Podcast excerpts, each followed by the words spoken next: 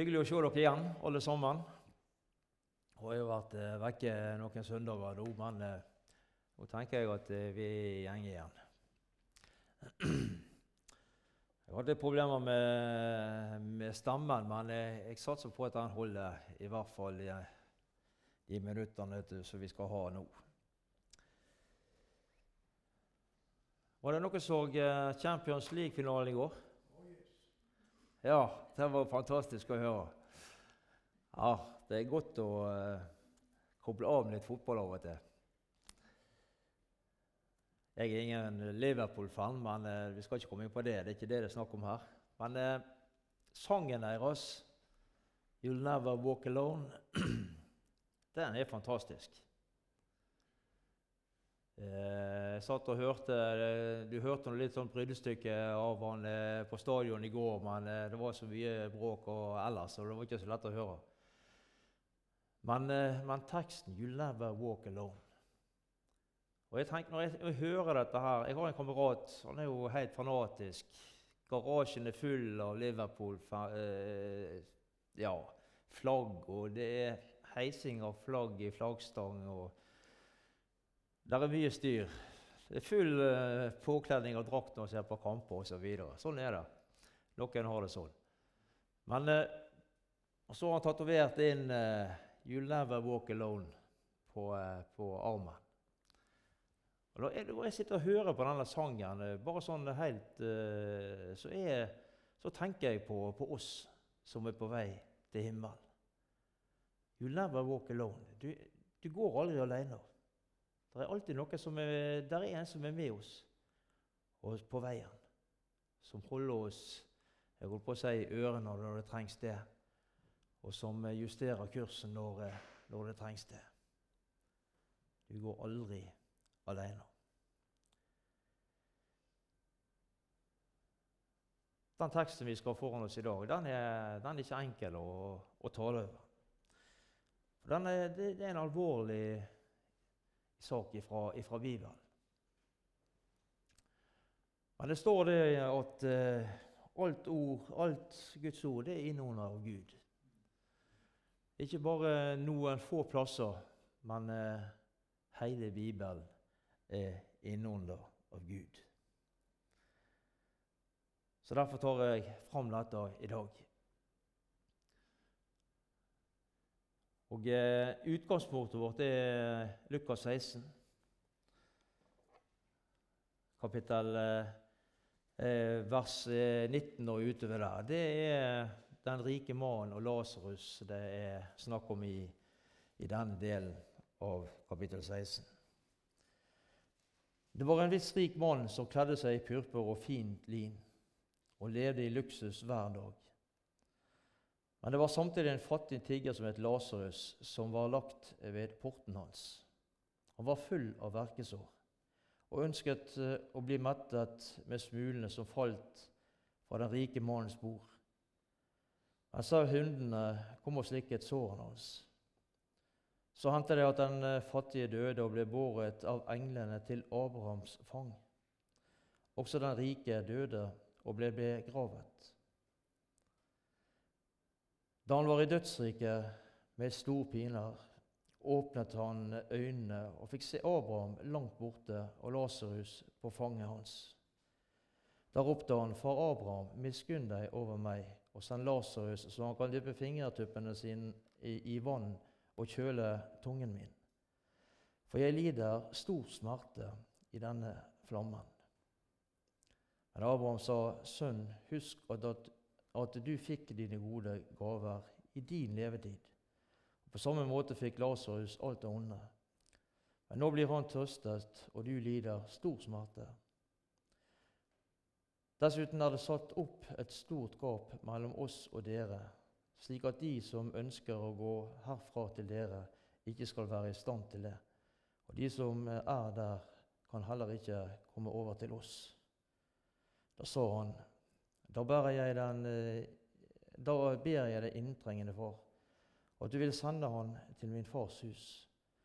For jeg har fem brødre, så, han kan vitne for dem, så ikke de også kommer til dette pinens sted. Abraham sa til han, De har Moses og profetene, la dem høre på dem. Men han sa nei for Abraham.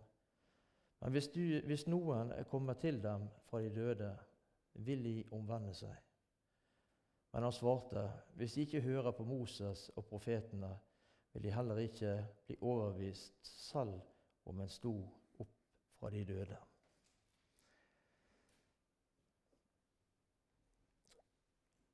Denne, denne teksten her, den, den stoppa jeg med da jeg leste litt i, eh, i, apostel, i, eh, i Johannes' åpenbaring her en, eh, en, dag.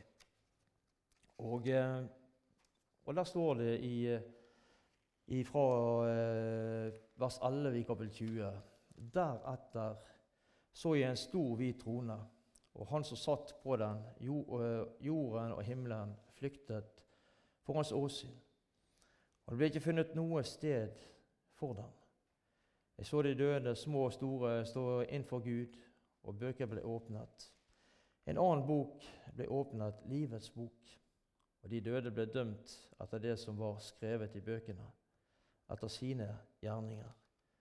Havet ga fra dem fra seg de døde som var i det, og døden og dødsriket ga tilbake de døde som var i dem, og de ble dømt hver etter sine gjerninger. Deretter ble døden og dødsriket kastet i ildsjøen. Dette er en annen død. Hver den som ikke blir, ble funnet innskrevet i livets bok, ble kostet i ildsjøen. Her leser vi om eh, at jorden og himmel vek bort. At det ikke ble funnet noen plass. De forsvant helt. Og i 2. Peters brev kan vi eh, ta med oss også 2. Peters brev, kapittel 3, og vi leser vers 10 og 13. Herrens dag kommer, skal komme som en ty om natten. Da skal himlene forgå med et kraftig brak, og elementene skal oppløses av brennende hete. Både jorden og alle gjerningene som er gjort på den, skal bli brent opp. Derfor, siden alt dette skal gå i oppløsning, hvor mye mer bør dere da ikke fortsette i den hellige fred og gudsfrykt, mens dere venter på en framskynder eh, på framskynder på, på men, mens dere venter på å framskynde Guds dags komme. På denne dagen skal himlene fortæres av ild Elementene skal smelte ved brennende hete. Men etter Hans løfter ser vi fram til nye himler og en ny jord, der rettferdighet bor.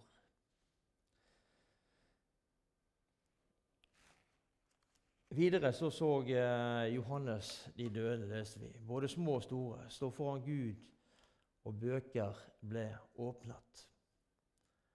Og Innholdet i disse bøkene det sies det ingenting om her. Det skrives ikke noe om det. Men så står det at eh, en annen bok ble åpna, og det er livets bok. Og de blir dømt etter det som er skrevet i bøkene, etter hva de har, hadde gjort. Og Dette profeterer også eh, profeten Daniel i, om i vers eh, Vi kan lese jeg kan først lese i vers 7 eh, der. Eller i kapittel 7 og vers 10.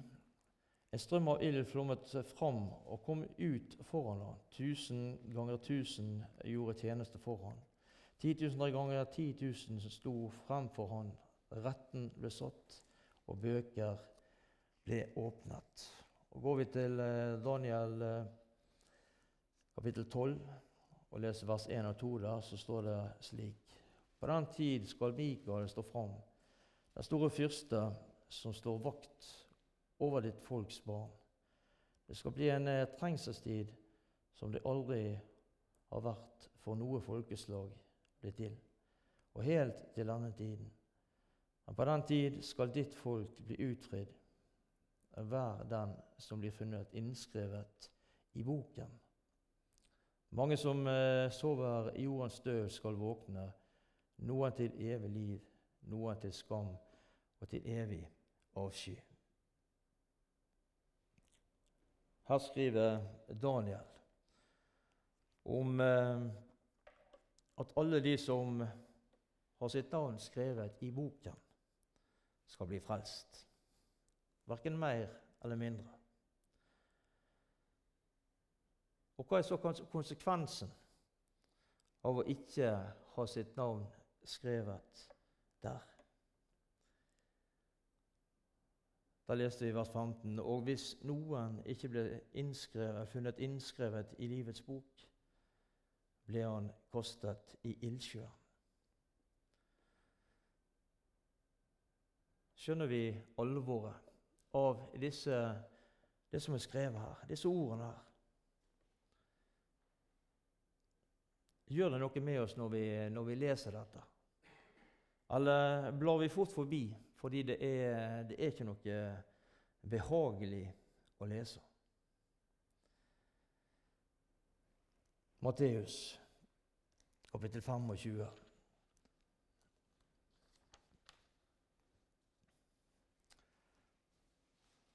Da leser vi i vers 41.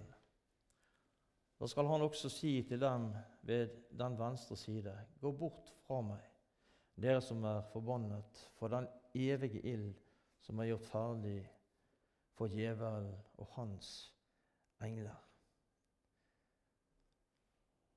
Ser vi alvoret? Dette er ikke noe, noe skremselspropaganda. Men det er Guds ord, Guds eget ord som sier dette. Som forteller oss om konsekvensene av å forkaste Jesus og hans nåde. Det får en konsekvens å si nei til Jesus, som har en fatal utgang.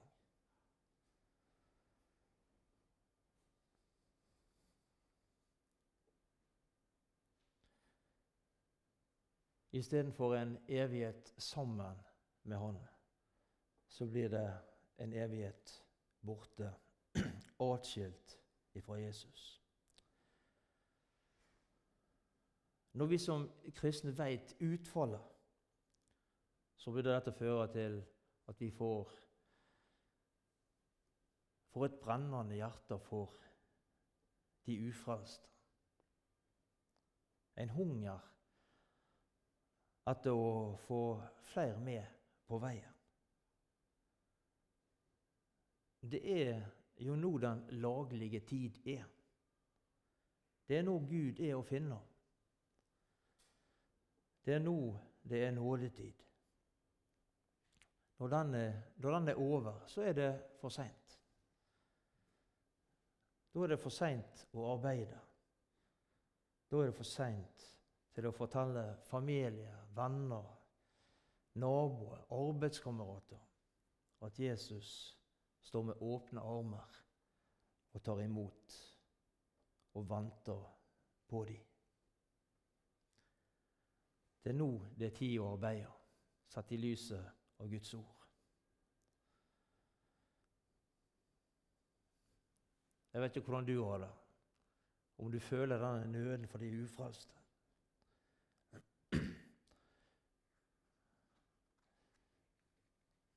Så eh, litt tilbake til, til, utgangspunktet som vi hadde i dag. Og Det er, det er jo Lukas, utgangspunktet Lukas kapittel 16. Og Den skal vi eh, lese litt, ta fram litt fra nå.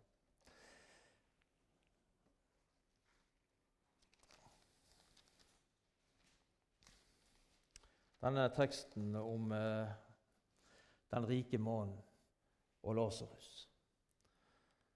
Og Her er det store kontraster mellom den rike mannen og Lasarus.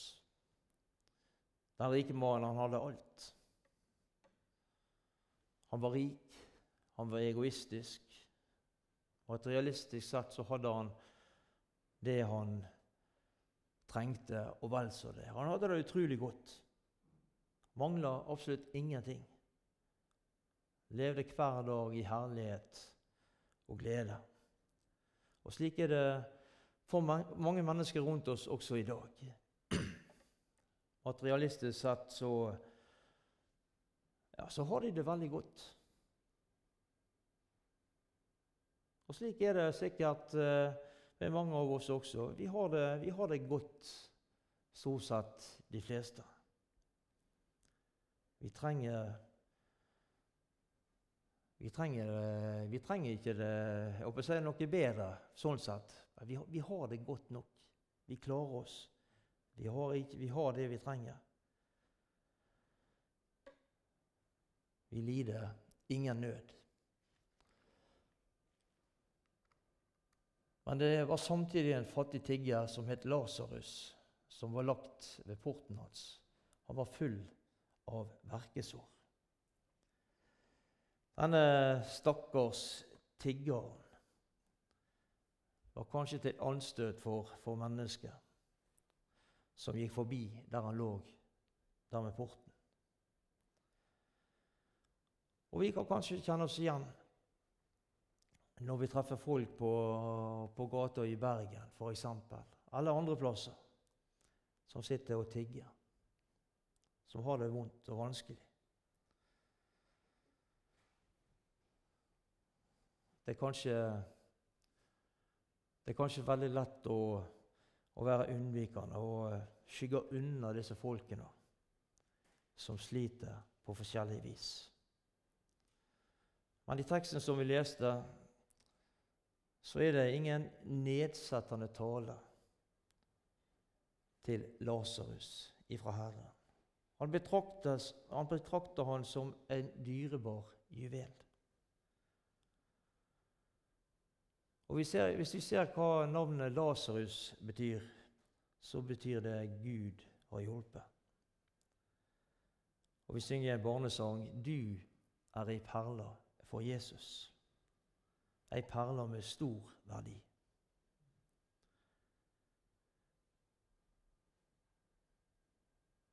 Tenk om du virkelig fikk se dette og oppleve dette at du, du som sitter her i orken, hver enkelt, er ei perle for Jesus med stor verdi.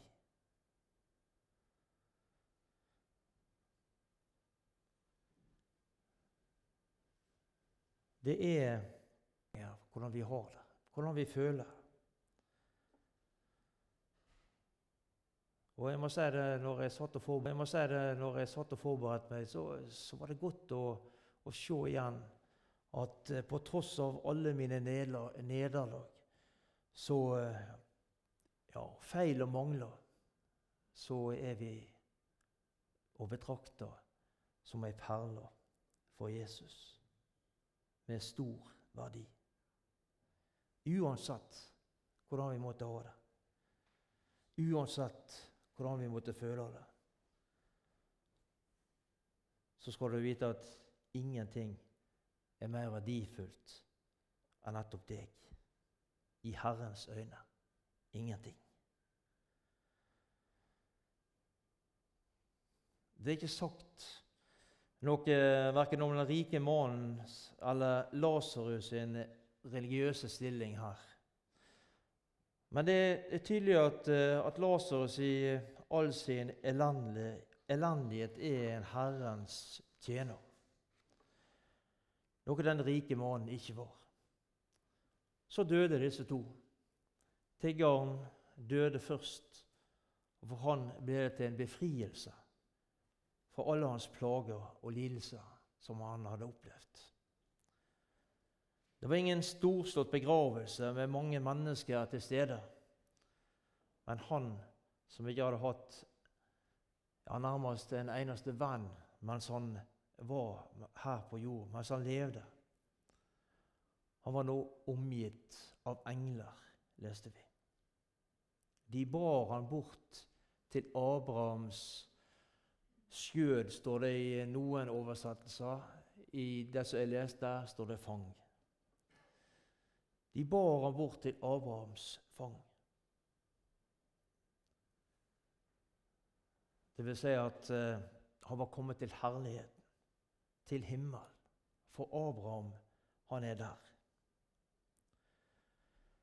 Det kan vi, det kan vi lese i, Johannes 8. Så kan vi i hvert fall eh, streke under det at eh, dette taler Bibelen om. Johannes kapittel 8 eh, og vers 56.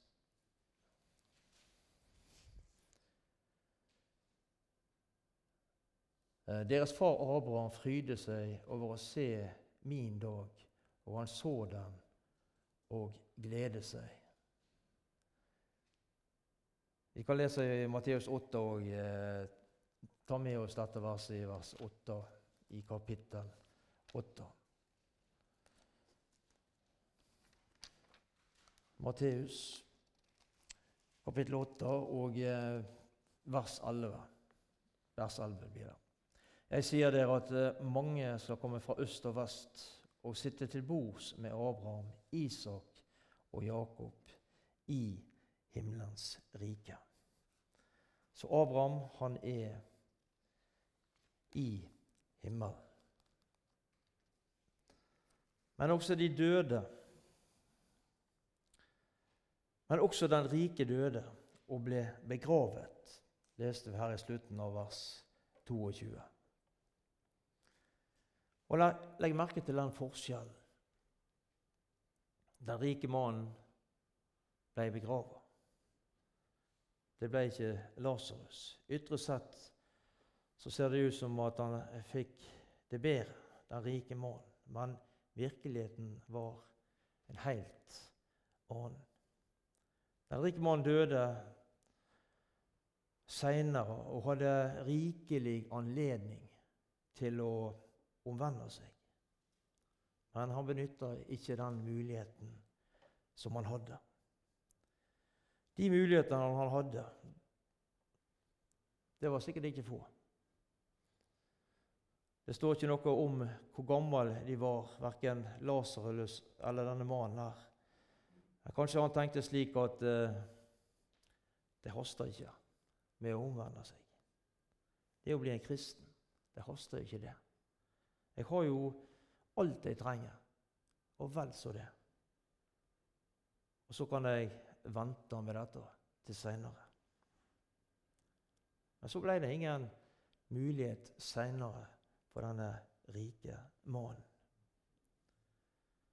Det tok brått slutt, og muligheten, anledningen, den gikk ifra han. Lukas kapittel, kapittel 12.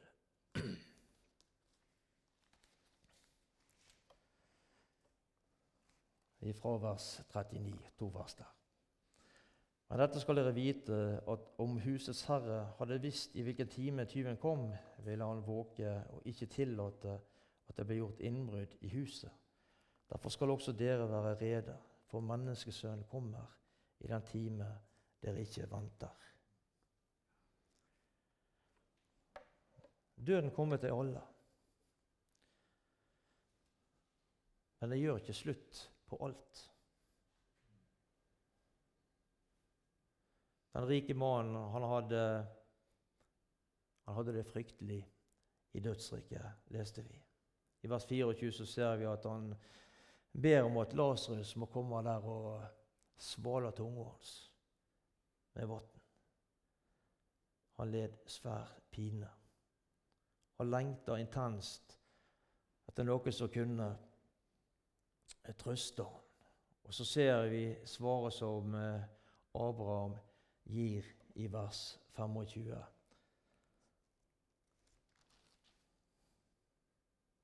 Men Abraham sa, 'Sønn, husk at du fikk dine gode gaver i din levetid.'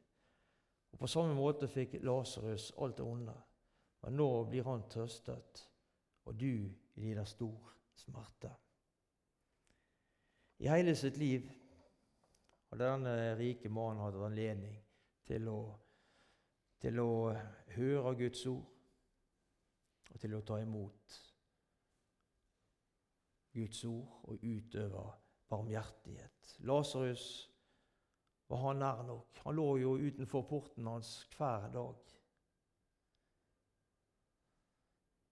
Men det gode for denne mannen var bare det ytre forhold.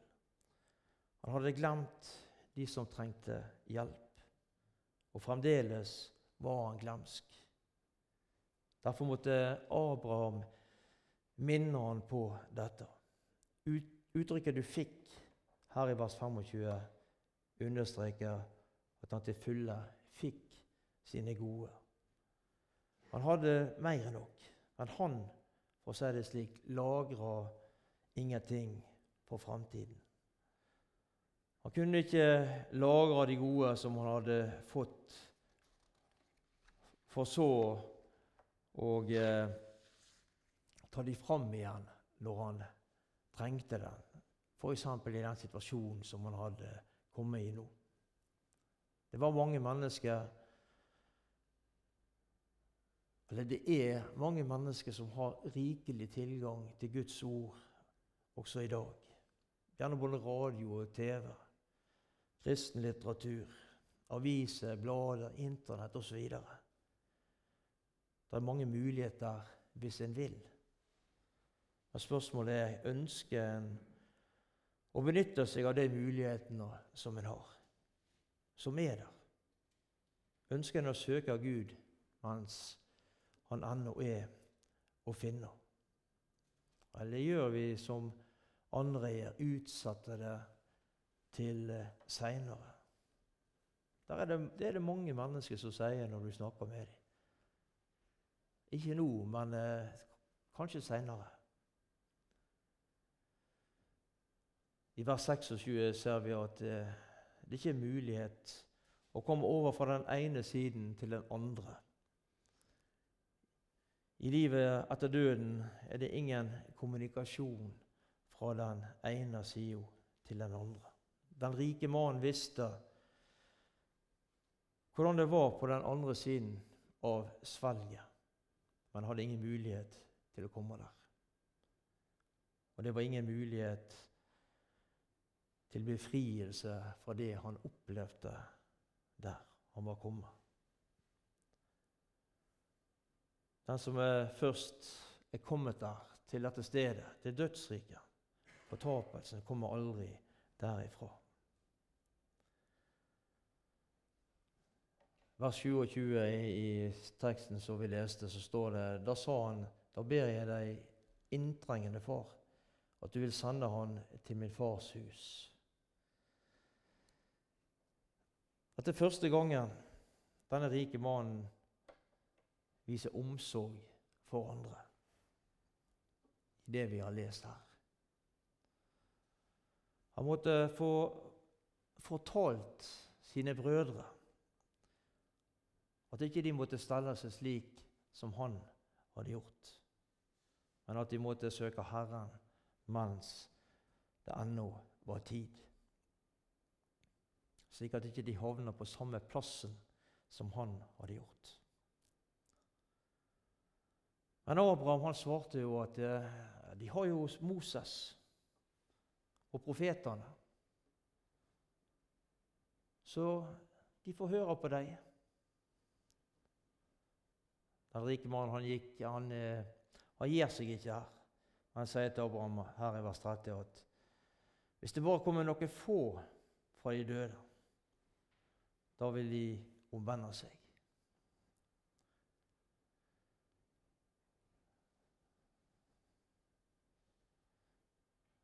De måtte ha noe synlig.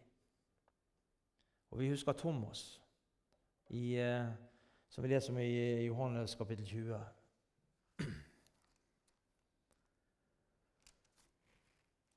Ifra, I vers 25 kan vi lese. Johannes kapittel 20, vers 25. De andre disiplene sa til ham, 'Vi har sett Herren.'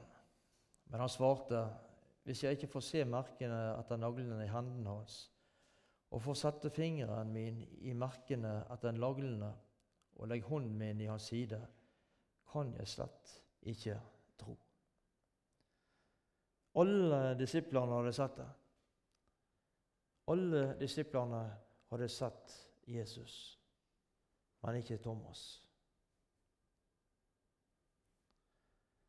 Han kunne ikke tro det som de andre fortalte han.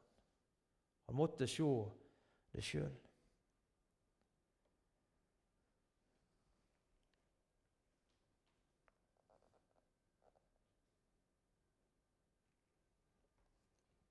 Salige er de som Salige er de som ikke ser, leser vi, men som allikevel tror, sier Jesus i Johannes 29,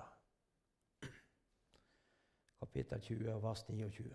Salige er de som ikke ser, men allikevel tror. Og Slik er det også omkring oss i dag. Det er mange som, eh, som roper på tegn og på under. Som trenger noe synlig for å kunne tro. Salig er de som ikke ser, men allikevel tror. Hebrevet kapittel 11 skal vi ta med oss.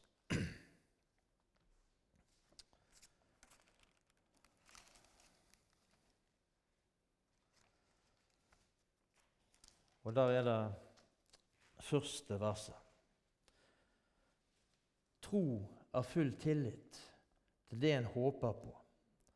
Overbevisning om det en ikke ser.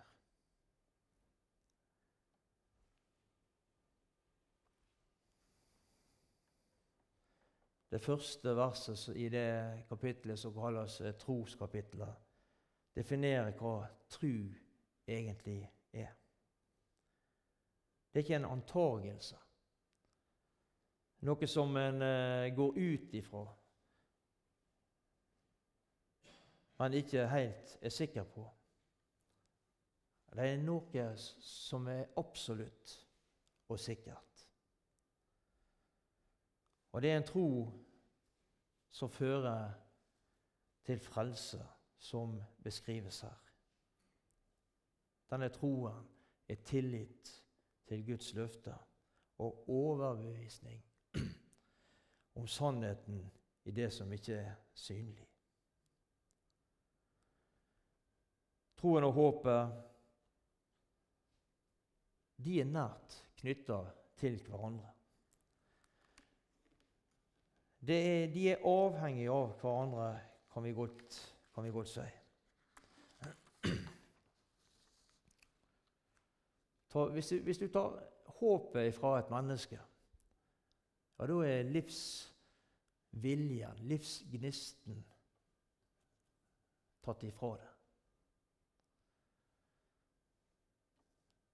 Lasarus han sa ingenting i denne teksten her som vi leste.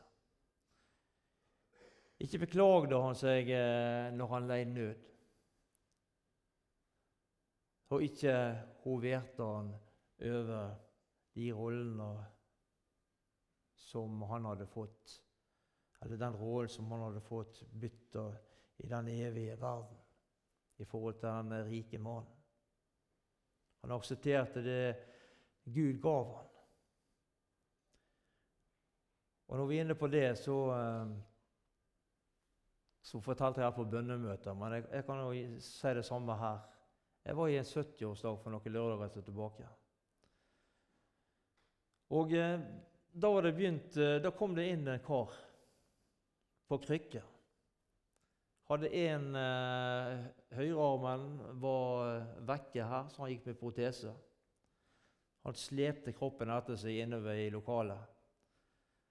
Dette var en mann som ikke var invitert til, eh, til festen, men som kom forbi og 70-årsjubilanten eh, han hadde god kontakt med denne stiftelsen og brente for det, som, det arbeidet som de drev eh, i forhold til eh, brannskadde barn i Etiopia.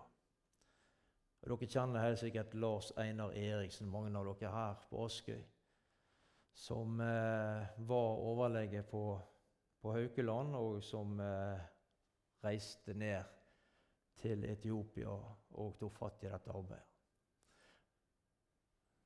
Men nok om det. Denne karen her, fra Harstad kommer han. Satte seg på ryggstuen ryggstøen på en sofa med caps og av alle ting en, en Liverpool-caps. Og så, så, så, sier han det at Jeg var ikke klar over at dere var samla her. Jeg ble bare tatt, dratt inn her. For jeg skulle møte han her 70-åringen her, men han visste liksom ikke at det var noe selskap. Så han kom inn og fortalte sin historie, der han eh, hadde ja, han eh, hadde startet sitt eget firma oppe i Harstad. Hadde fått en stor kontrakt for kommunen da, på flere millioner, der han skulle skifte ut. Han kjørte, hadde biler, lastebiler da, med lifter på, så han eh, fiksa eh, gatelys. Og eh, en kveld var faktisk en kveld, så han. Han var gått hjem. Men så fant han ut at eh, han skulle snu og reise på jobb igjen. Og hadde nå gitt beskjed til kona at sånn og sånn ble det den kvelden. Det begynte å regne, så han. Han sto langt oppe i luften der i den liften. Og over, over han gikk det ei kraftlinje. Så eh, da vannet drøp derifra og ned på på liften så, så, kom det jo strøm. Og han fikk eh, altså var 25 000 gjennom kroppen. Så han, eh, han ble ødelagt der og da. Og hadde store, store brannskader, så han ble flydd til, til Haukeland sykehus. Men eh, jeg skal ikke si eh, det var mye mye mer annet. Det skal ikke jeg eh, ta med nå. Men det som jeg var essensen etter det han hadde fortalt, det var det at han ville ikke ha bytta med noen i forhold til det sånn han hadde det nå, og i forhold til det han har fått opplevd ut ifra det. Dette var, dette var noe som eh, så, som han så som at det var en plan i livet hans. Og det, Jeg unner dere å, å, å, høre på denne karen hvis dere får muligheten til det. For det var en fantastisk, en fantastisk eh, historie han kunne fortelle i forhold til hans fysiske tilstand og det han har nå fått eh, være med på i forhold til den stiftelsen Brannskadde barn i i Etiopia og det de har fått utretta der nede. Fantastisk. Jeg gikk bort til han etterpå, han hadde noe, uh, holdt på i en halvtime, og så sa jeg til han Det var fantastisk det du sa, selv om uh, du har feil kaps på deg. Og den tok han jo. Og det var, var, det var en kjekk kar å snakke med. altså.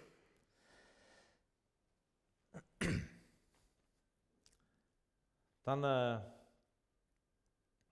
Lasarus. Han aksepterte det Gud gav ham. Etter sin død så fikk han oppleve herligheten. Og Vi kjenner denne sangstrofen her. Hvilken dag det skal bli når med Jesus jeg får se. Ja, Det blir litt av en dag når vi skal få se Jesus akkurat slik som han er. Lasarus hadde hatt det tungt og vanskelig. Men desto mer fantastisk fikk han det etter sin død. Han fikk oppleve det som, eh, det som vi leser i Johannes' åpenbaring, kapittel 21. og Det kan vi bla opp nå mot slutten. Johannes' åpenbaring, kapittel 21, og eh, vi leser vers 4. Der kan vi lese.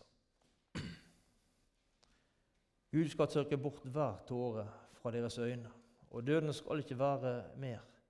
Heller ikke sorg eller gråt eller smerte skal være mer, for de første ting er blitt borte.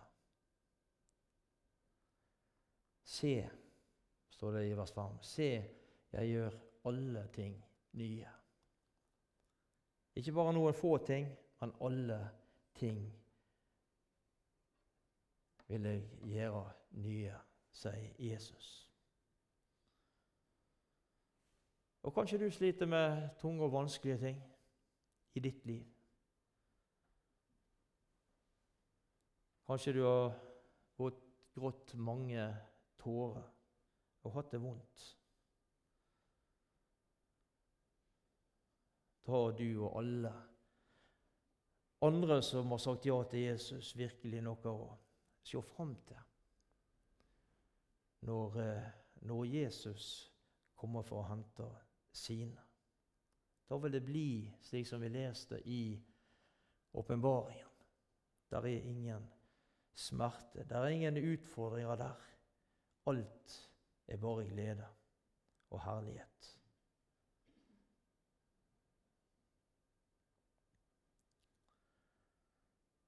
Og intet urent skal komme inn i staden.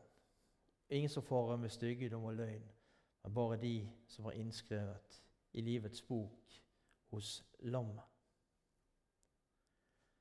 Vi synger en gammel sang, så de, eh, de som nå er, er, gamle og kanskje gått bort, sang mye. Er mitt navn skrevet der, i din bok, Herre kjær? Der hvor dine står tegnet, er mitt navn skrevet der.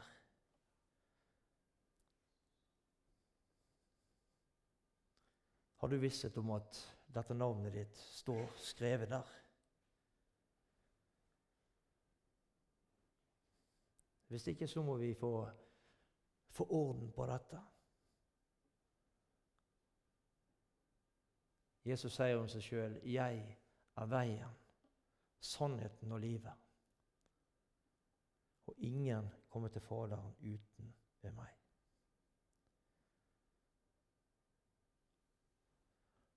Har du tenkt deg til herligheten dersom Lasarus er nå? Da må du gå igjennom Jesus og det han har gjort for deg. Det kommer ikke til å, spørsmål, eh, eh, det kommer ikke til å bli stilt spørsmål om hvordan, eh, hvor godt du har gjort det i livet. Hvor god du har vært. Hvor stor rikdom du har oppnådd. Ja, det kommer til å bli spørsmål om hva har du gjort med meg? Hva har du gjort med Jesus? Har du forkasta han? Forkasta omvendelsen, slik som den rike mannen hadde gjort?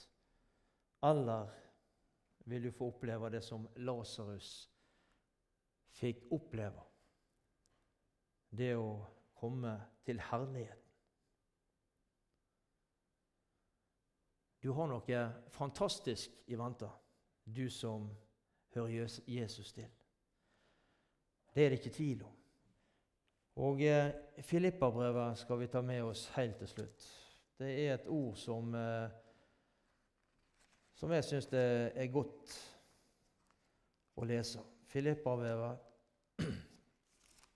kapittel 1, og vi skal lese vers 6. Hør nå. Jeg er helt overbevist om dette, at Han som begynte en god gjerning i dere, vil fullføre den inntil Jesu Kristi dag. Jeg er overbevist om dette, sier Paulus her. At Han som begynte en god gjerning i dere, vil fullføre den inntil Jesu Kristi dag. Du har løftet på at Jesus vil føre deg helt igjennom. Helt fram til eh, det lovede landet som er himmelen. Og vi skal ha forventning til det som venter oss der en dag. Og du skal få lov til å gå, si, gå rundt og fantasere om hvor fantastisk det er. Det som Bibelen forteller oss, det er bare småting. Stykkevis og delt. Og det, bare det er jo helt utrolig. Det er sånn at vi ikke klarer å forstå det. Men eh, ha fokuset på det òg. Ikke bare på det som skjer her nede, men også på det som ligger og venter der framme. Enten det er kort eller lang tid, det vet vi ingenting om. Men du har noe fantastisk i vente. Vi takker deg, Jesus. Vi takker deg for at du eh, er her midt iblant oss. Takk for at eh, du eh, tok deg av Lasarus på en spesiell måte.